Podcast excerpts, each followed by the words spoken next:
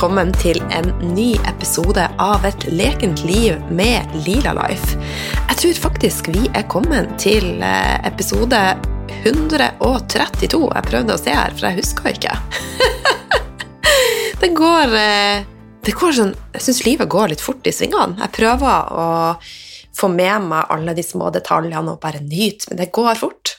Og vi er faktisk kommet til 100 og episode 132. Er ikke det ganske crazy? Eh, I dag så er du så heldig å få nok en episode lada med gode tips fra mentaltrener Anniken Binds. Og vi er innom mange, mange spennende og viktige temaer. Blant annet vekst og utvikling, det er et valg. Sammenhengen mellom lav selvfølelse og det å føle at vi må gjøre hele tida, prestere. Magien av å gjøre mindre og senke skuldrene.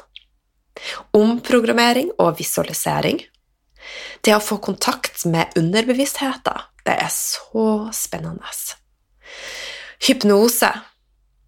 Selv om ikke alle dager er gode, så er det noe godt i hver eneste dag. Det handler bare om å se det. Og jeg har dager der jeg våkner og tenker jeg, i dag har jeg ingenting å være takknemlig for.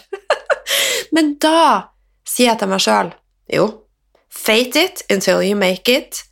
Så hvis du ikke føler deg takknemlig, vær takknemlig, øv på det, for det er noe godt i hver dag.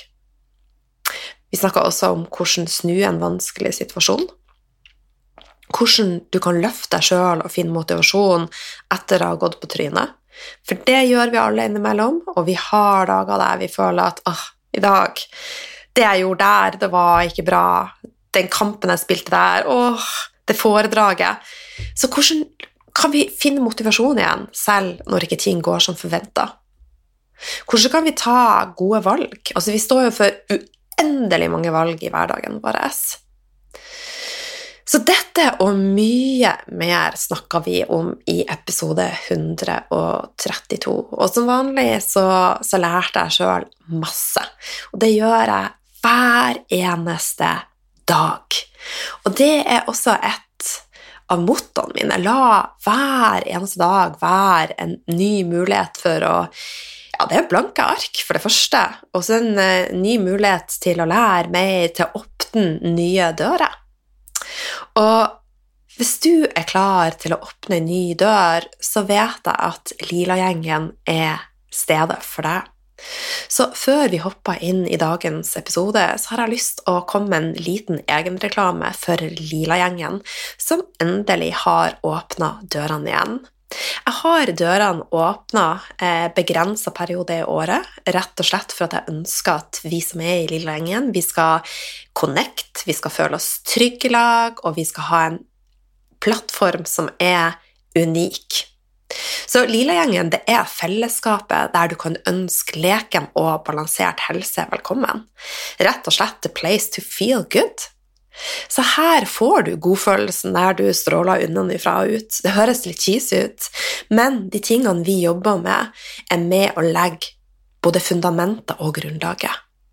Hvor magen og kroppen spiller på lag med deg. Hvor huden gløder. Du har mer energi, bedre selvfølelse, et roligere skinn og hormoner i balanse. Så i Lila-gjengen der starta du med de små stegene som førte til store resultater, og det med en fantastisk heiagjeng i ryggen. Her øver du på å innarbeide gode rutiner som bygger mestringsfølelse og egenkjærlighet. Det er et trygt fellesskap som du kan venne deg til når du er i tvil, om du ønsker svar på noe, om det skulle være mat eller tilskudd, hvilke urter skal jeg bruke for eh, å regulere hormonene mine, om du ønsker støtte til matinspirasjon, ja, eller om du har noen spørsmål om yoga. Så du får all kunnskapen og verktøyene du trenger for ei leken og balansert kvinnehelse. Du får lekne oppskrifter, du får livesendinger med meg, du får live yoga og meditasjon, du får være med i challenger, og ikke minst, du får en heiagjeng med likesinna damer. Og som en bonus eller gave til deg som blir med i Lillehengen, så får du også et seks ukers feel good-kurs som starta i oktober. Og dette alene har en verdi på 5790. Så i den eh, perioden så skal vi jobbe med masse, masse spennende, men i uke én på kurset så skal vi jobbe med mat. Det å se muligheter når det kommer til mat. At sunn mat kan være leken og god, samtidig som det kan være enkelt å lage. Vi skal øve på å kjenne etter hvilken mat som gjør deg bra der og da, men også på sikt. Hvordan du kan spise for å være venn med hormonene dine. Hvordan sette sammen måltider og komme mer i kontakt med egen intuisjon når det gjelder mat. Vi skal også lage både sunn, leken, pizza og pasta, og det skal vi også gjøre i lag en dag, hvor vi spiser pizza og skåler i litt kombucha. Så det er uke én i Feel Good-kurset. I tillegg til alt dette så får du tilgang til en lukka gruppe som er unik, og hvor du kan stille spørsmål og dele erfaringer i et trygt fellesskap. Og energien her må oppleves. I tillegg så får du tilgang til en app som kan brukes via telefon, og som ikke kreves innlogging. Og denne kan du også bruke via datamaskin. Så jeg håper at jeg kan få se deg på innsida i Lilagjengen. Du er så varmt velkommen. Og ja Lila-gjengen er the place to feel good. Så med det så skal jeg slutte å skravle, og så er det én ting å gjøre, det er å hoppe inn i samtalen med hun Anniken. Gled deg til masse, masse herlig påfyll, og husk, lag deg en god dag. Klem ifra meg.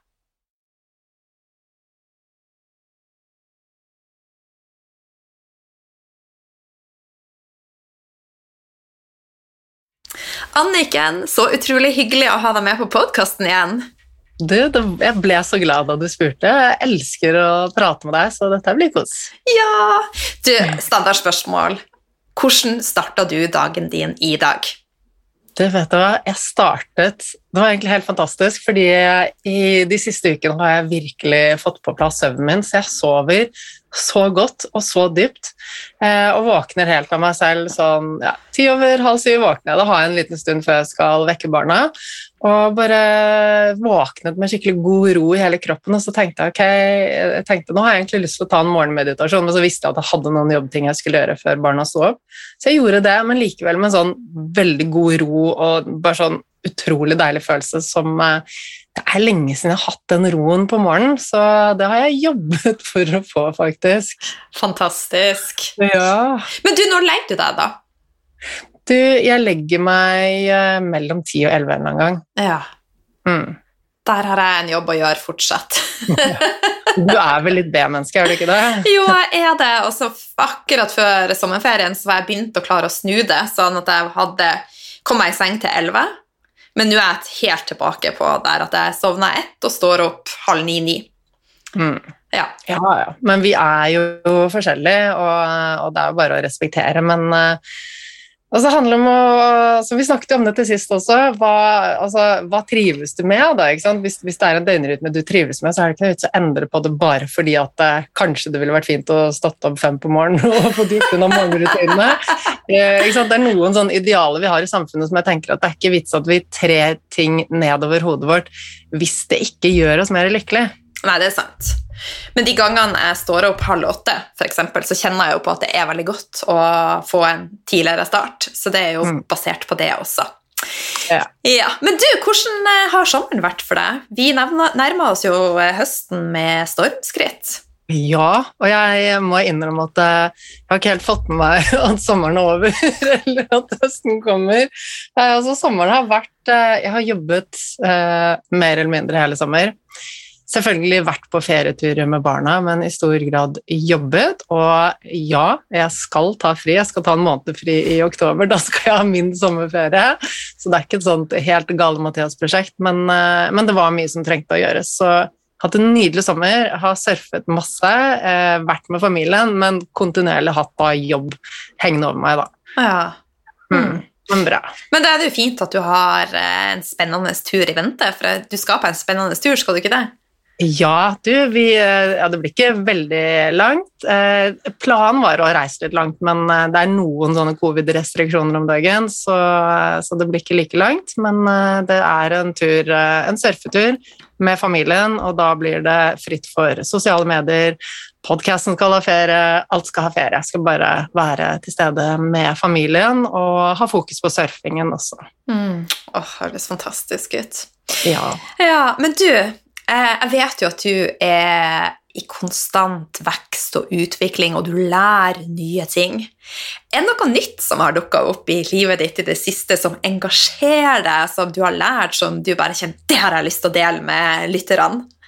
Ja, vet du hva, det er jo noe hver eneste dag, som du sier.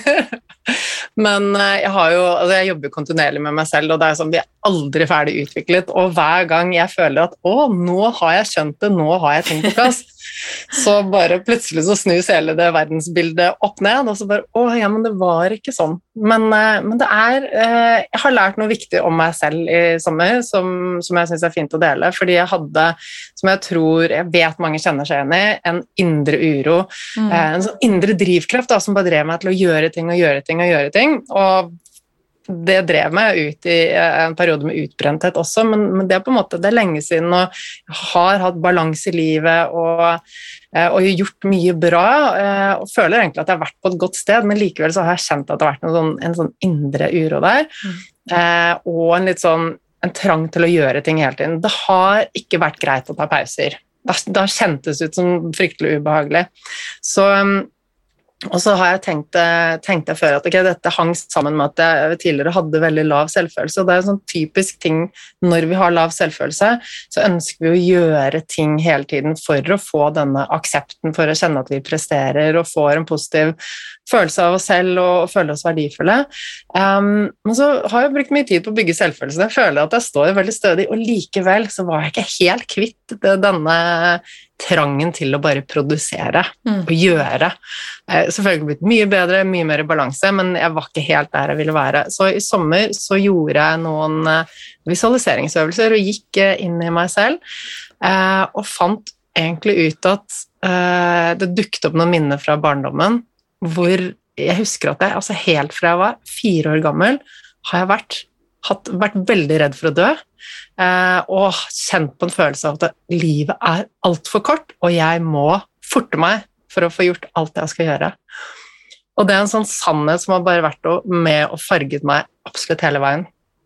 Så da jeg kjente det, så har jeg også da klart å omprogrammere meg til å få ro da, til å si til meg selv at jeg har all tid i verden, og når jeg faktisk tar nok pauser, sover nok, gjør ingenting, mm. så, så, får jeg også mer ut av altså, Da får jeg også gjort mer når jeg først gjør det.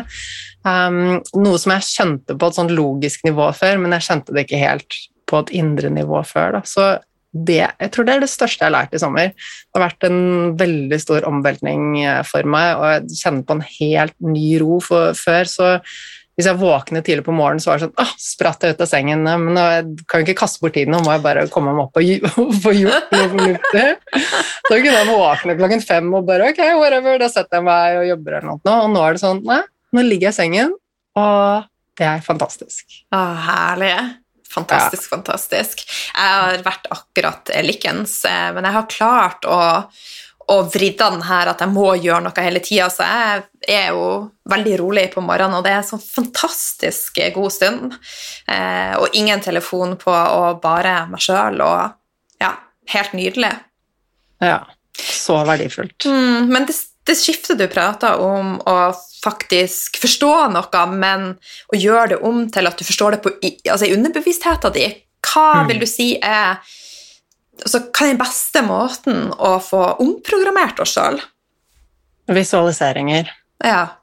Definitivt. Og det er jo mange måter å gjøre det på.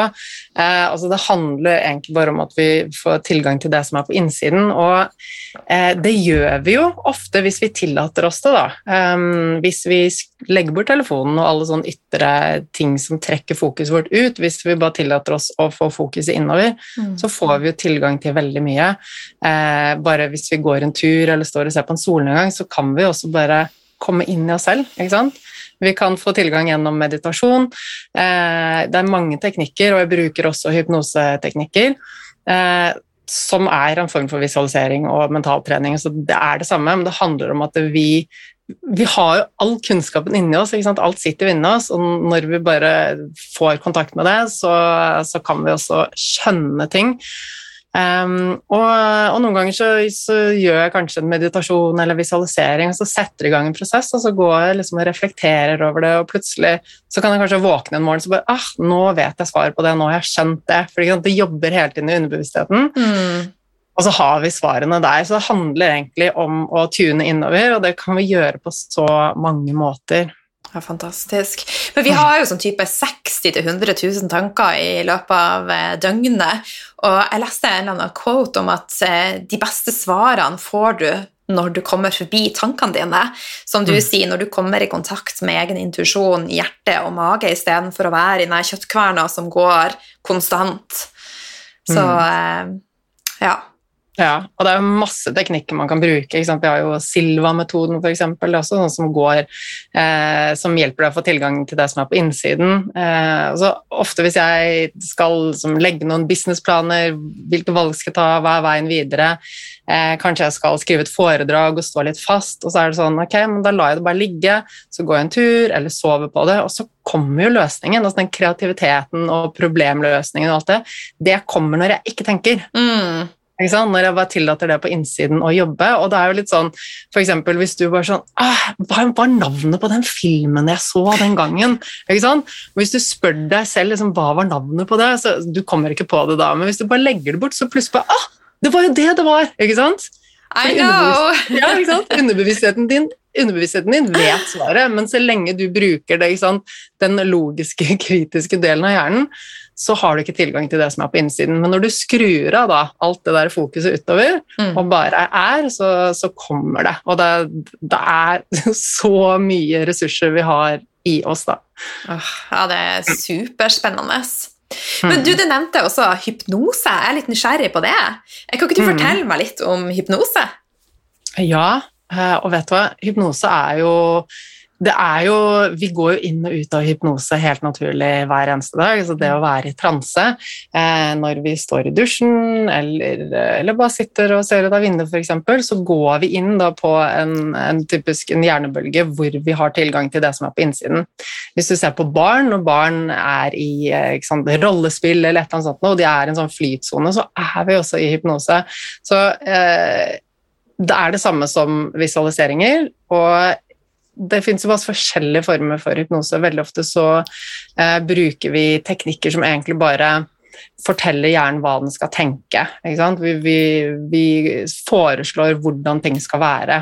Mm. Og det funker veldig fint. Men så finnes det noen spesifikke teknikker de jeg bruker, som rett og slett går ned i eh Går dypt ned i underbevisstheten og finner ut av hva er årsaken til den utfordringen du har, og så tar et oppgjør med det. Da, fordi, og, og, det er sånn som jeg vet at du også eh, vet eh, det at det, det, er jo ikke hendelser i seg selv som påvirker oss, men det er hvordan vi ser på det. Mm.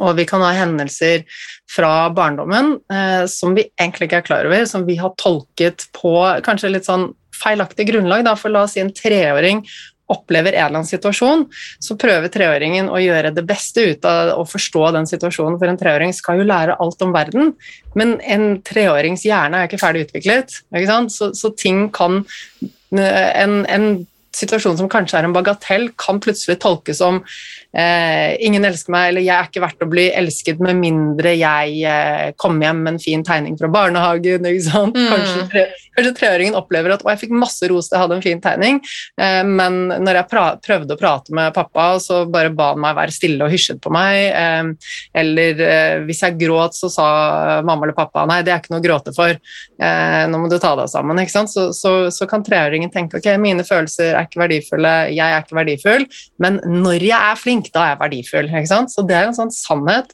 Mm. Det kan være hva som helst, det kan være bagateller, det kan jo være eh, altså, ordentlige traumer også fra barndommen, men til syvende og sist så handler det om hvordan vi har tolket det, og den tolkningen som vi lærer oss som barn, den, er, den definerer jo alt av hvordan vi ser og opplever tingene som voksne også. Ja. Og så er vi ikke, vi er jo ikke klar over det. Nei.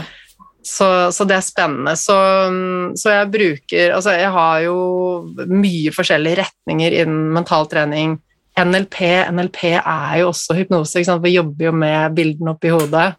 Um, uh, jeg har flere teknikker fra yoga og avspenning, og kombinerer alle disse når jeg jobber og lager lydspor, for å sørge for at vi virkelig får endret på tankene. Mm. Mm. Jeg gleder meg til å prøve Ja. hypnose. Du skal få en session. Jeg gleder meg forferdelig til. Så, eller forferdelig er et dårlig ord. Jeg gleder meg veldig til det. Yeah. Ja, jeg er også litt opptatt av hvordan vi snakker, og forferdelig er jo et negativt lada ord, så da må vi luke de bort. Mm. Men du, eh, livet det byr jo på mye nederlag, vi kan eh, ha, oppleve å få hjertet vårt knust, det er mye stress, det er rett og slett eh, mye traumer. Og det her, kan ikke det sette seg fysisk i kroppen vår, og da komme som et symptom, og kan man gjøre noe med hypnose i forhold til det? Ja, ja, absolutt. Og det er jo sånn En følelse er jo energi som skal ut. Mm. Og når den ikke slipper ut, hvis vi opplever noe som vi da holder, undertrykker, da, eh, så vil det altså, omgjøre seg til et eller annet på et eller annet tidspunkt. Og da blir det som oftest ikke pent. Så mye vondter, altså typisk migrene, det kan være eksem, det kan være altså, Det kan være så mye rart, da, men, men eh, vi har jo altså ja, Jeg skal ikke gå for dypt inn i det, men hjernen kan jo eh, skape hvilket som helst symptom på en sykdom. Og ofte så kan det være det at okay, kanskje du har vært gjennom noe som er heavy, men du klar, klarer ikke å snakke om det. Eh, så kanskje du blir syk, da, som er et tegn på at ok, jeg, jeg trenger hjelp, jeg trenger at noen tar vare på meg. Eh, og så, så får kroppen andre måter da å, å få uttrykk for disse tingene for. Så bare følelser må ut. Det er liksom the bottom line, det viktigste. Følelser er energi som skal ut. Og slipper det ikke ut, så vil det bare vokse i styrke Mm. og sette seg. Det kan være stiv nakke, stive skuldre, låsninger, altså spenninger. Det kan være så mye rart. da. At det, så, så, eh, eksempelvis eh, så eh, våkna jeg her i natt med skikkelig skikkelig hodepine. Og da kan Mm. det være følelser i meg som ikke jeg har fått forløst. Ja, ja, ikke sant? Og i det tilfellet du beskriver, så, så var jo det etter en, en ganske hektisk dag. ikke sant? Mm. Det er jo typisk, altså, og bare rent sånn fysisk, når vi går inn i stress, så vil jo både muskler og bindevev spenne seg. Mm. Så det er veldig vanlig at vi får en stresshodepine hvis det har vært masse tanker, mye, hvis vi har vært, hatt veldig høy spenning, så er det helt, helt eh, naturlig å få vondt i hodet. Men da i går, eh, hvis jeg da hadde da For det var, ja, når jeg fikk denne hodepina, hvis jeg da hadde brukt tid på visualisering, jeg hadde jobba med de følelsene, kanskje jeg hadde hypnose, så kunne jeg da ha unngått denne hodepina. Ja, altså, og det jeg tenker, ja, Akkurat i går kveld så hadde du et stort event som, som krevde at du var veldig på, og jeg kan også kjenne det hvis jeg har kanskje hatt et foredrag eller vært veldig på. Så, så kan jeg også kjenne at jeg blir liksom stiv og vondt i hodet etterpå. Um, og det handler også mye om at man smiler og snakker. Og, en kombinasjon av mange ting. Da. Men, men det, som er, så det er mye man kan gjøre i forkant av noe for å forberede seg, som du Mm. sier med visualiseringer, sånn at eh, spenningsnivået er lavere når du først er i den situasjonen. Ja. Eh, Men det som jeg anbefaler å gjøre, hvis du på en måte har vært i en situasjon som har vært litt eh, stressende, da, og du har masse i hodet og du kjenner at ok, nå har jeg hatt en veldig høy grad av spenning, så tenker mange at eh, ok, men jeg må bare roe meg ned, og mer yoga, meditere og alle de tingene, men det beste vi kan gjøre, er å bevege oss. Så få ut alt det stresset, for når vi beveger oss, så forbrenner vi disse stresshormonene mye bedre. Og så lurer vi kroppen til å tro at det som eh, var farlig, er ferdig. Og la meg forklare det. Stress det er jo eh, en fysisk reaksjon som kroppen setter i gang fordi den opplever noe som farlig. Ja. Ja, så stress er jo der for at vi skal kjempe eller flykte. Du kan se for deg en, eh, en sebra på savannen som ser en løve. Bang, så er den i full stressmodus, og hva er det sebraen gjør? Den løper så fort den kan, og løper og løper og løper. og løper, og løper. Til slutt har den løpt fra løven, det er trygt og godt, og da kan den slappe av. ikke sant? Så fra naturens side så er jo stress det gir et overskudd av energi for at vi skal komme oss i trygghet. Og hvis vi da ikke beveger kroppen, så får ikke kroppen mulighet til å forbrenne stresshormonene, og så skjønner jo ikke kroppen at det, den, at det har blitt trygt, at alt er trygt. Så hvis vi sant, går på en gåtur eller løpetur eller bokser på noe, eller bare får ut får ut den energien, så vil vi automatisk få stresset ut og bli roligere. Og da er det mye lettere etterpå å si ok, men nå ta en avspenning eller en meditasjon eller puster, en visualisering eller hva som helst etterpå. da. Ja. Eh, hvis ikke blir det litt som å på en måte slåss med systemet, som har masse stress i kroppen og bare Nei, nå skal jeg puste og roe meg ned! det, det, ja, det er bedre å få ut den energien først. Det var en uh, ny innfallsvinkel som jeg bare syns var uh, veldig fin, så tusen takk mm. for det. Men jeg er jo mm. bevisst på at uh, det å faktisk bare om så riste litt på rumpa og ta seg en dans og alt det her, det føles jo utrolig godt hvis man er stressa. Det er jo med å skille ut gode signalsubstanser, og vi får løst opp. Så jeg tenker også En av de tingene som jeg fokuserer mye på nå, er glede. Eh, og faktisk være mer et sted i vår feminine kropp og bare være litt fri. Mm. Så derfor så ja. i neste episode så skal jeg ha med meg sambadronning. Oh, så kult! For å snakke om akkurat dette. Men det er jo, ikke sant, og det er så mye i det å være fri. Men jo mindre fri vi er i hodet, mm. eh, jo vanskeligere blir det å være fri i kroppen også. ikke sant? For det henger jo sammen. Hvis vi, hvis vi holder masse følelser inne, så blir vi automatisk stive i kroppen også. Uh, og dans er jo terapi i veldig veldig mange land. Altså, jeg har bodd mye i Latin-Amerika og Afrika, og der, der danser jo folk kontinuerlig. ikke sant? Og det er terapi. Og når, hvis du ser på et dyr, da, hvis du f.eks. Eh, altså, ser på dyr som kanskje nesten er, blir overkjørt, og så kommer seg i trygghet, så vil dyret liksom riste på seg for å få ut den, eh, den stressopplevelsen. Eh, se på dyr, og, og når de har vært i et eller annet, så rister de etterpå. Og det er jo det samme vi mennesker kan gjøre også. Når vi rister, så får vi ut disse greiene. Så, så dans og bevegelse, som du sier, det, det er terapi fordi det får ut ting, og i tillegg så har det den effekten at det produserer alle de gode lykkehormonene som eh, ja. Så yes, absolutt ja til å danse. så folkens, dagens viktigste tips rist på rumpa! ja, helt klart. Men du, Anniken, det med hypnose er jo eh, veldig, veldig spennende. Og vi har snakka om at det kan løse opp i fysiske ting som setter seg i kroppen. Eh, og i hypnose så kommer du ganske dypt, vil jeg tro, i underbevisstheten. Mm. Ja, og underbevisstheten er jo det er jo et område som kanskje prates litt lite om. Eh, men det er jo sånn at vi mennesker vi er jo født med Altså, vi er født med god selvfølelse, men så er det jo flere ting som er med og påvirker. Eh, altså, vi er rett og slett programmert hovedsakelig fra vi er null til vi er sju år, eh, via omgivelsene våre.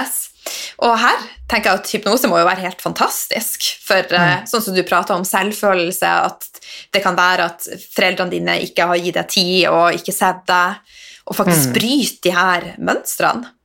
Ja, ja, og det er akkurat det jeg gjør. Eh, altså, jeg har jo et uh, online-kurs som jobber akkurat med dette med selvfølelse.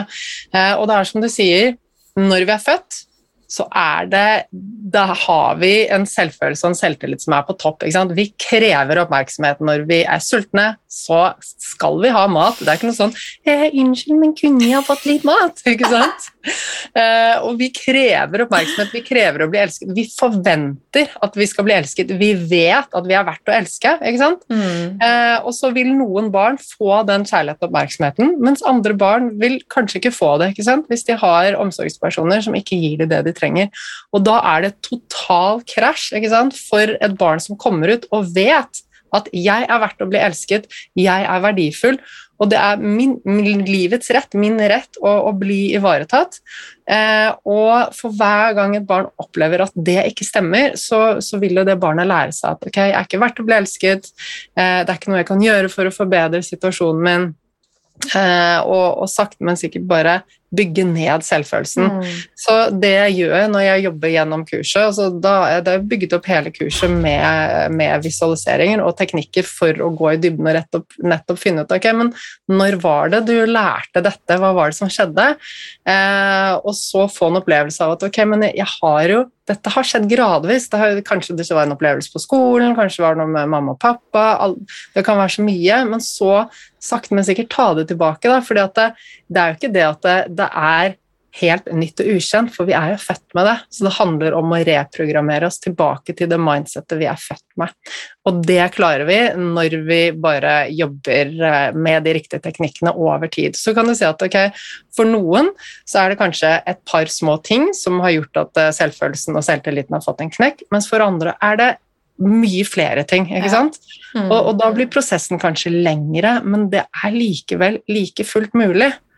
Alt dette er mulig å endre på, og ja, det er eh, litt uvant å plutselig kjenne ok, jeg kan like meg selv. Det er kanskje uvant å kjenne at eh, jeg kan rose meg selv istedenfor å kritisere meg selv og dømme meg selv. Og så, med visualisering, med de lydsporene jeg lager, så får vi repetisjon. Og det er den måten hjernen lærer på. Så når vi repeterer noe over tid, så blir det til slutt ja, men dette her er jo sant. sant? Dette er jo det, det, jeg kjenner best av alt, og da blir det veldig greit. Så sånn får vi den endringen inn eh, intravenøst da, med lydspor, mm. eh, sånn at vi slipper å på en måte hele tiden eh, pushe oss selv til å snu tankene og de tingene. Noe som også funker, og noe vi også gjør, men det er veldig tungt hvis vi skal gjøre alt bevisst. da. Hvis det bare handler om at vi må være flinke på å snu tankene våre?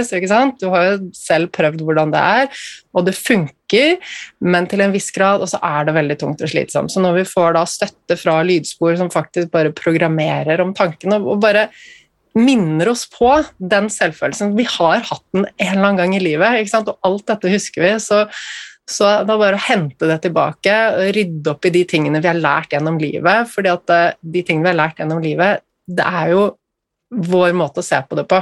Mm. Så, vi, så, vi, endrer på måten vi får en forståelse at det, altså vi, vi, klarer å se situasjoner på en ny måte da, som gjør at det, vi kommer ut av det eh, med, altså, med en indre styrke istedenfor å føle oss som et offer, som føle oss verdiløse, føle oss små og alt det. Så ja, jeg må bare si wow, det er helt eh, fantastisk. Mm. Mm. Igjen, jeg gleder meg til å prøve. Ja, gleder meg til å ha noen sessions med deg. ja. Men du, livet det går jo opp og ned. og jeg, altså Et sånt motto som jeg har, at uh, det er ikke alle dager som er gode, men det er noe godt i alle dager. Så hva er dine beste tips som mentaltrener for å løfte oss sjøl på tunge dager? Mm. Det beste, beste, beste er det jeg kaller endring, rett og slett. Og det er ikke alltid lett å liksom snappe seg ut av noe, men så lenge du fortsatt er i de samme omgivelsene som du var i da du følte deg nedfor og tung, med de samme menneskene, med de samme tingene, og sånt, så er det eh, ganske tungt å snu det. Det er selvfølgelig mye vi kan gjøre med å bevege oss og komme oss ut og høre på musikk, eller sånt, men den raskeste måten til endring er change of scenery, altså endring. Eh, dra, vær på et annet sted, omgi deg med andre mennesker. Og så er det lett sånn ok, vi er med kanskje familie eller de nærmeste, og der er det lett å på en måte fortsette å være i den kanskje litt sånn den tunge tilstanden. Men hvis vi kommer ut og møter noen gamle venner, så må vi på en måte vi må ta oss sammen litt. ikke sant? Og så får vi fokus bort ja, okay, hva, hva skjedde i ditt liv siden sist? Vi får fokuset bort fra oss selv. Og da skjer det mye mer automatisk enn hvis vi må jobbe med oss selv. hvis du er med meg på det. Så, så Vi kan gjøre mye med å jobbe med takknemlighet, vi kan endre fokuset vårt. Alt det der er kjempeverdifullt, men den raskeste, enkleste måten er endring endre omgivelsene, ikke sant? Sånn som du går jo mye på fjellet, så eh, kanskje for din del så burde det vært å gjøre Ta en tur til Oslo, da, for eksempel, ikke sant? Så det er noe annet enn det du gjør til daglig. Og, og pluss å møte venninner, ikke sant. Det vil jo ta deg ut av dette mindsettet. Så, så, ja, det er masse masse verktøy jeg kunne gitt, men, men, alt annet krever mer jobbing. Dette er det raskeste, enkleste, kjappeste. Eh, og vi blir på en måte bare tvunget ut av det der tunge mm. mindsettet vårt. Veldig, veldig gode tips, og det ser jeg jo sjøl at eh, det aller eh, beste for meg når jeg har en tung dag, det er faktisk å prate med venner. Altså få eh, ta meg en Zoom med de, eller hvis det er sånn at jeg ikke kan sette meg på flyet til Oslo, for det kan jeg ikke gjøre hele tida, og hadde jeg hatt muligheten, så hadde jeg gjort det. så jeg er helt enig. Endring er også rett og slett dra deg ut av det du er i. Så eh, mm. Mm. Du er ei klok dame, Anniken. Kjempeklok. ja. Jeg lever noen år, da.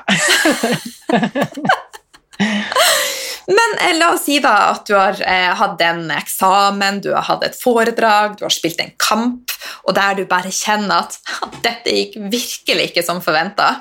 Mm. Eh, og hvordan skal vi da finne denne motivasjonen til å gå videre når vi egentlig feil, altså kjenner på at det her er kanskje ikke det rette for meg. mm. Ja, ikke sant? Og, og, er det det, kjenner du på at det eh, altså, Er det spørsmålet er dette ikke det rett, eller hvilke spørsmål dukker opp? Det det er en stor ting, da. Men, eh, men, først og fremst så tenker jeg hvis man har liksom, gjort noe, og så kjenner man på at det gikk ikke helt som planlagt, eh, eller jeg presterte ikke sånn som jeg ønsket, så handler det først og fremst om å bare anerkjenne at det er lov å være litt deppa med seg selv.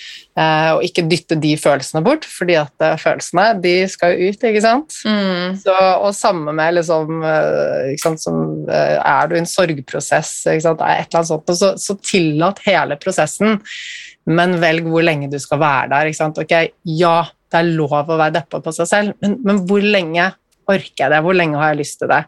Og så handler det jo rett og slett om å Eh, om å tenke etter ok, men hvor er det jeg vil. Og Da kommer det litt inn på det spørsmålet er dette det rette for meg. Og Sånne spørsmål dukker opp hvis vi ikke eh, er fornøyd med egen innsats, selvfølgelig, men da er det tilbake til, um, til liksom det å finne ut ok, men hva er det jeg virkelig vil her i livet. Hva er det som er viktig for meg?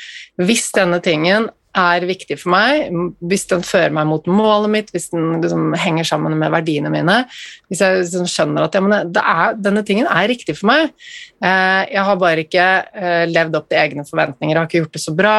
Eh, da handler det om å se på det som læring. Mm. Så i bunn og grunn så er Altså, jeg har lært meg på å se på alt i livet som læring, og det gjør at jeg egentlig aldri bli skuffet over noen ting. Altså, uansett da, om jeg krasjer en ny bil, eller om jeg gjør et eller annet dumt, så er det sånn ok, men jeg spør meg selv alltid ok, hva er det jeg har lært nå?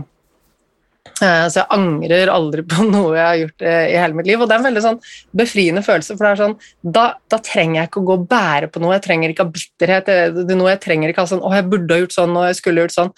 Alt er borte, for da er det bare fokus på at ok, hva er det jeg har lært? Eh, og så kan det hende at eh, jeg har lært at ok, men det var ikke det var kanskje ikke det riktige for meg. Det kan hende jeg lærte. Eller så kan det hende jeg har lært at eh, jeg skal forberede meg mer. Eh, kan det hende at jeg har lært at jeg må tenke annerledes når jeg gjør denne tingen. ikke sant? Um, så, uh, så det er alltid noe vi kan lære, og det er alltid noe vi kan forbedre. Så finner vi ut at ok, dette her er jo jeg vil dette, eh, og jeg syns det er spennende å lære. Hadde vi vært perfekte fra dagen, så hadde det ikke vært så veldig gøy. Altså, jeg har jo vært på Hawaii en hel måned uten å føle at jeg fikk til surfingen. Hver dag jeg gikk ut, så følte jeg at jeg ble dårligere og dårligere. og dårligere. Åh, ingen god følelse. Nei, en hel måned. Og den siste uken, og det handlet om frykt. Jeg var så livredd, jeg var så redd, jeg trakk meg trakk meg, trakk meg hele tiden. Og den mm. siste uken så endelig knakk jeg koden. Eh, det vil si, det var små bølger, så det, det, det ga meg tryggheten da, og, og, ga meg den følelsen av mestring, og jeg skjønte at ok, men jeg får det til, jeg skal ikke gi meg. Så eh, motgang er jo det som gjør oss sterkere. Motgang er det som gjør livet interessant. Det gjør oss til mer spennende mennesker. Det gir oss utfordring, det gir oss muligheten til å vokse. Hadde alt gått på skinner, så hadde livet vært kjempekjedelig. Det er sant. Ja, men når det er sagt, så er det jo ikke noe god følelse hvis vi føler at vi har gjort vårt beste, og at det likevel ikke er godt nok, men da er det alltid sant, noen ting som kan endres. Det er det alltid. Eh, og da er jo det beste tipset mitt er egentlig å snakke med noen til å få liksom, litt hjelp til okay, hva kunne jeg ha tenkt istedenfor. Det handler mye om hvor er fokuset mitt når jeg er i en situasjon. og sant, Holder vi et foredrag hvor vi føler at vi gjør det, gjør det dårlig, så, det jo, så, kan det handle om teknikken, hvordan vi har bygget opp og sånn, eller det kan handle om at ok, jeg sto der på scenen, og så så jeg på alle menneskene rundt meg, så tenkte jeg bare på hva tenker de om meg. ikke sant? Mm. Eh, og, og, det er sånne ting som eh, Da kan man få hjelp av en mentaltrener. Hvordan jobber man med fokuset? Eh, går det på teknikken, så får du hjelp med en som er god på, på å bygge opp et foredrag. Så, så, det er så mye. vi kan alltid få hjelp til å bli bedre. Jeg tenker at Vi skal ikke ta alt på egne skuldre, fordi jeg klarer ikke å se alt jeg gjør selv. Altså, jeg, er jo veldig, jeg klarer ikke å se meg selv med helt uh, objektive øyne. Så det å sånn, spørre folk uh, rundt meg ok, da jeg gjorde dette, uh, hva kunne jeg gjort bedre? Så, så, ville folk komme, folk komme med innspill. så nå ble dette en litt lang avhandling, men for å bare oppsummere til er, du liksom, er du misfornøyd med noe, er du lei deg med noe, tillat deg selv å være det. Eh, bestem deg for hvor lenge du har lyst til å liksom kjenne på den følelsen, og når du er klar for å gå videre, så, så se etter læring. Og når vi ser etter læring, så blir vi egentlig fri for alt. Når læring og utvikling er målet, så er vi i målet allerede når vi går inn i det med nysgjerrighet og bare sier ok, jeg kunne sagt dette annerledes, jeg kunne gjort dette annerledes, jeg kunne tenkt at ok, og hent hjelp. Ikke tro at du skal klare alt alene. Mm, gode tips, Anniken.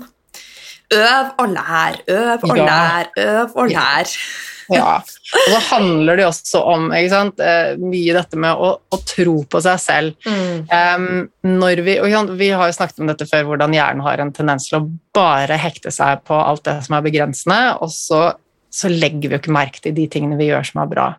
Så, så, la oss si da at etter denne podkast-episoden her slippes, så får du 100 meldinger som sier at 'å, det var kjempebra', og så får du én melding som bare 'nei, du burde ikke ha hun Anniken der, hun er skikkelig dårlig'. ikke sant? Hvilken av de meldingene kommer du til å henge deg opp i da?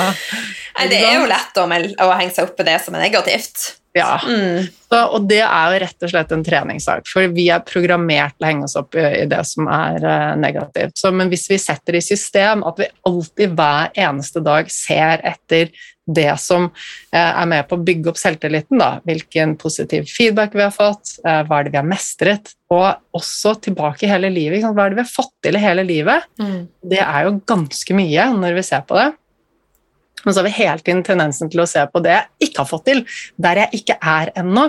Men hvis vi snur det og setter i system, da, hvor vi hver eneste dag eller en gang i uken vi bare har det i system, kanskje ha en reminder på telefonen som er bare sånn ok, minn meg selv på alt jeg har fått til i livet, eller alt jeg har fått til denne uken, eller alt jeg har fått til denne måneden. Alle de positive tilbakemeldingene jeg har fått, alle de tingene. Og da ser jo bildet plutselig helt annerledes ut. Det er så sant. Men det må vi gjøre bevisst. da, Det går ikke automatisk, og det trenger vi å sette i system. Mm. Så egentlig, så, så, så egentlig så burde vi ha reminder på telefonen vår hver eneste dag. Ja, men, men det er jo Altså, det er jo eh, en veldig rask og enkel ting. Da. Bare si at okay, hver gang du pusser tennene, så ser du tilbake på dagen eller uken og bare ok, alt det har jeg fått til. Og det kan så være at du rakk ukeshandlingen, eller at du fikk laget den gode middagen. Det, det trenger ikke være de store tingene, eh, men jo mer vi legger merke til av det vi får til, jo mer vil vår egen tro på oss selv vokse, altså selvtilliten vår, da. Mm. Viktig. Mm. Mm. Men du, har du sjøl eh, stått i situasjoner der, der, du måtte velge bort noe i det siste, og eventuelt, hva gjorde du for å ta det rette valget? Ja, og jeg står i de situasjonene hver eneste dag på et veldig sånn eh, lavt daglig bagatellnivå, så handler det om prioritering i, i, hverdagen. Ok, Skal jeg vaske de klærne, eller skal jeg rydde opp i det rotet som har ligget der et år? Eller skal jeg dra og surfe? Eller skal jeg jobbe? Eller skal jeg bare være til stede med familien? Eh, så det er jo valget jeg tar hver eneste dag. Men så har det også f.eks. de siste ukene kommet inn masse henvendelser, eh, forespørsler om jeg kan komme og holde foredrag, eh, og spennende oppdrag som jeg kunne tenke meg å si ja til men som jeg vet at hvis jeg putter det inn i kalenderen min, så kommer det til å gå utover de andre tingene jeg gjør. Eh, og det er utfordrende å ta de valgene, men når jeg tar de, så baserer jeg meg rett og slett på det som er altså mitt mål og min visjon. Hva er det jeg skal? Jo, eh, som eh, mentaltrener så skal jeg hjelpe flest mulig. Og da kan jeg spørre meg ok, får jeg brukt tiden min på å lage et kurs hvor jeg når ut til mange hundre, eller holde et foredrag for 50. Hva er best da? Eh, en podkast vil jeg alltid prioritere, fordi en podkast når ut til så mange, og den lever over så lang tid. ikke sant? Så, så selv om jeg hadde en helt full timeplan i dag, så var det sånn podkast, det sier alltid ja takk. Alltid, fordi at jeg vet at det bringer meg nærmere min visjon. Og det er jeg glad for. og så blir det kanskje en takeaway-middag istedenfor hjemmelagd middag etterpå. så, så det, det, bruker jeg hver eneste dag, selv om det er små valg eller store valg jeg tar, så er det rett og slett tilbake til altså visjonen min, som egentlig er målet mitt, og dit jeg vil, og det som er viktig for meg, verdiene mine. Mm. Mm. Igjen et veldig klokt svar, Anniken. Men du eh, er jo veldig opptatt av spiritualitet. Jeg har egentlig aldri snakka om det med deg, så jeg er litt sånn nysgjerrig på dine tanker her, og, og hva er spiritualitet for deg, hvis du har tenkt over det? Ja, jeg, jeg har tenkt over det, og så er liksom spiritualitet for meg det er bare det er bare en naturlig del av det å være menneske. Så jeg tenker ikke noe over det eh, Det er ikke noen greie for meg, men, men, for meg så handler det egentlig bare å, å være i kontakt med seg selv, egentlig. Eh, og alt det som finnes av krefter inni oss, og når vi er i kontakt med oss selv, så er vi også i kontakt med liksom, hele universet og menneskene rundt oss. Vi, vi connecter jo med andre mennesker. Eh, så for meg så handler spiritualitet om det. Det, det, noe, det handler ikke om religion eller tro eller noe sånt noe. Eh, det handler altså Ja, bare rett og slett en, en kontakt med det indre og den sånn kunnskapen som finnes i verden, og den energien og bare åpenhet for alt det. Da. Mm. Eh, jeg er jeg er åpen for alt. det er liksom ingen sperrer på, på noe. Og, og, med en åpenhet så, så, tenker jeg at da kan vi tune inn, på, tune inn på det som er, og for meg så er det ja, spiritualitet. Jeg tenker at det er bare åpenhet, rett og slett, å tune inn. Mm. Et mm. veldig viktig ord for meg også er aksept, for jeg syns generelt i verden så er vi litt for lite flinke å akseptere hverandre og er veldig dømmende overfor valgene hvert enkelt individ tar. Så for meg er det veldig mye om å faktisk akseptere at han Per og Pål og Kari og Tone de tar valg som ikke jeg helt forstår, men likevel så har jeg respekt for de. Og jeg tror at hvis vi bare klarer å komme litt nærmere altså Nå i samfunnet i dag så er det jo en krig i forhold mm. til vaksine, i forhold til religion, i forhold til politikk. Altså, mm. Vi kommer så mye lenger med aksept og respekt, for alle har vi vår reise, og det ligger et eller annet bak alle valgene vi tar. Ja, og det, det har du så rett i, og det er noe jeg også tenker mye på. Og veldig mye av den derre bastante påståeligheten og svart-hvitt-tankegangen handler om folk som har lav selvfølelse. Mm. Eh, og er veldig usikre. Og har man lav selvfølelse, har man mye issues inni seg, så har man et enormt behov for å kontrollere og kategorisere resten av verden. Eh, og så har man også et mye større behov for å knytte seg til et eller annet fellesskap enn tilhørighet. Ja, jeg kan eh, kanskje La oss si en, Den viktigste, viktigste for oss mennesker er tilhørighet. Har vi ikke det, så har vi det ikke bra. For, for oss så betyr det liv eller død. Hvis vi går tilbake to millioner år, så trengte vi samfunnet for å overleve. Som en jeger og sanke på savannen, så overlevde vi ikke alene. Vi trengte samfunnet vårt. Så tilhørighet er det viktigste. Så la oss si da at du er alene, du er singel, du bor i din, uh, alene i en leilighet, du har ikke noe fellesskap og det trenger du. Det er den største menneskelige, største menneskelige behovet er jo tilhørighet. Og så, så, så, plutselig ser du noen ideer på Facebook, da, og så ser du ok, det er en gruppe her som snakker om uh, antivaksine eller forvaksine, eller uh, om det er liksom, høyreekstreme eller hva det er for noe. Så bare ok, ja, så begynner du å hekte deg kanskje litt på de ideene, for folk er gode for å argumentere, man finner alltid en, en måte å forklare at noe er sant på, mm. og plutselig er vi del av et fellesskap. Og når vi kan vende oss mot de andre, så blir vi sterke. Så da får vi, den, da får vi, den, styrken som vi ikke hadde inni oss fra før av. Så hadde alle hatt god selvfølelse, så hadde ingen hatt behov for å krangle for eller mot vaksine eller konspirasjonsteorier eller, eh, eller sant, terrorisme alle de tingene. Det, det, bare faller bort hvis vi har det godt med oss selv. Eh, så det er liksom et voldsomt behov i oss mennesker til å skille oss fra de andre, fordi at det, det hever oss. Vi nordmenn er bedre enn svenskene, f.eks. Ikke sant? Ja. Eh, og, ikke sant? Helt latterlig. det er alltid noe vi kan Vi kan alltid skille oss fra de andre. Mm. Ved å knytte oss sammen eh, og, og, og, se litt ned på de andre. Eh, og en person med god selvfølelse har ikke det behovet. Mm. Og, da, jo, og, det tilbake til det du sa om å dømme andre, da. Eh, da vil man også være rausere med andre. Eh, og så i, som jeg også underviser veldig mye på mitt kurs, er en forståelse av hvorfor folk gjør sånn som de gjør, hvorfor en selv gjør sånn som man gjør, fordi det handler om hvordan hjernen fungerer, de dype drivkreftene i oss og hvorfor andre gjør som de gjør. En person som kritiserer andre, er en person med lav selvfølelse. Mm. Eh, og, og, når vi forstår det, så ser vi også hva som ligger bak, og da kan vi være rause istedenfor dømmende. Og så skjønner vi at alle gjør egentlig sitt beste, alle gjør egentlig bare så godt de kan. Men det er kanskje ikke alltid det beste for, sant, i den situasjonen man er i. Mm. Uh, men, men ja, jeg tenker at uh, med den forståelsen av hvordan hjernen fungerer, hvordan de prosessene er, og med å bygge den indre styrken og selvfølelsen Hadde alle gått gjennom dette på skolen, så hadde samfunnet sett helt annerledes ut. Enig. Mm. Du, Helt på tampen, er det noe du vil tilføye? Det var jo en veldig sånn fin uh, prat rundt det med respekt og aksept og Ja, så Kommer det opp noe? Har jeg alltid så mye tilfelle? Uh, nei, uh, jeg har egentlig ikke det. det vil jo bety at vi har hatt en veldig fin prat, da, hvis du ikke har ja. noe å tilføye.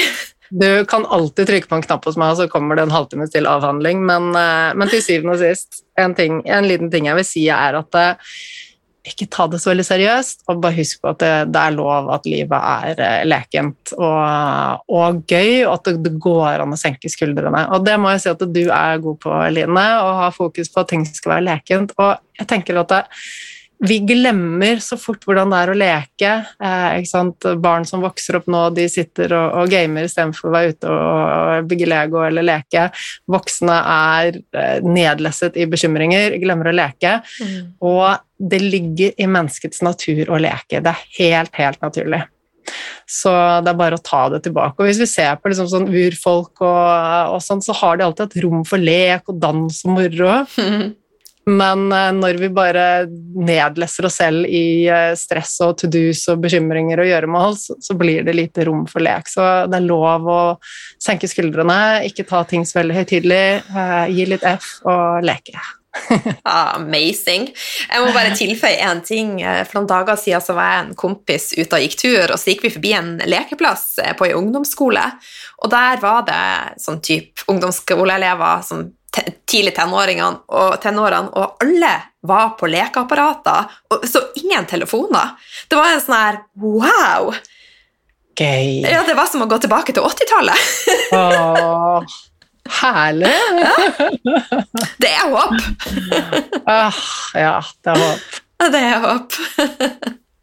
Men du, Anniken, hvor kan eh, lytterne treffe deg?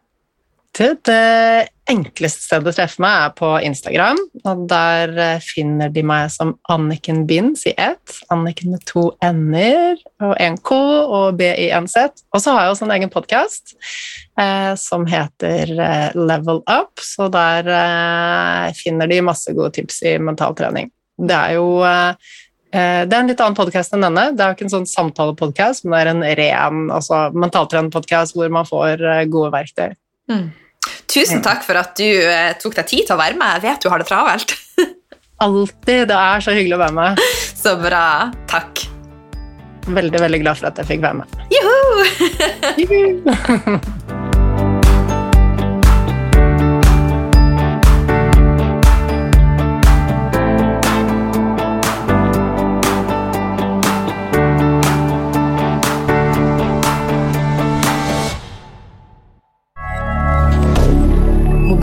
Canada.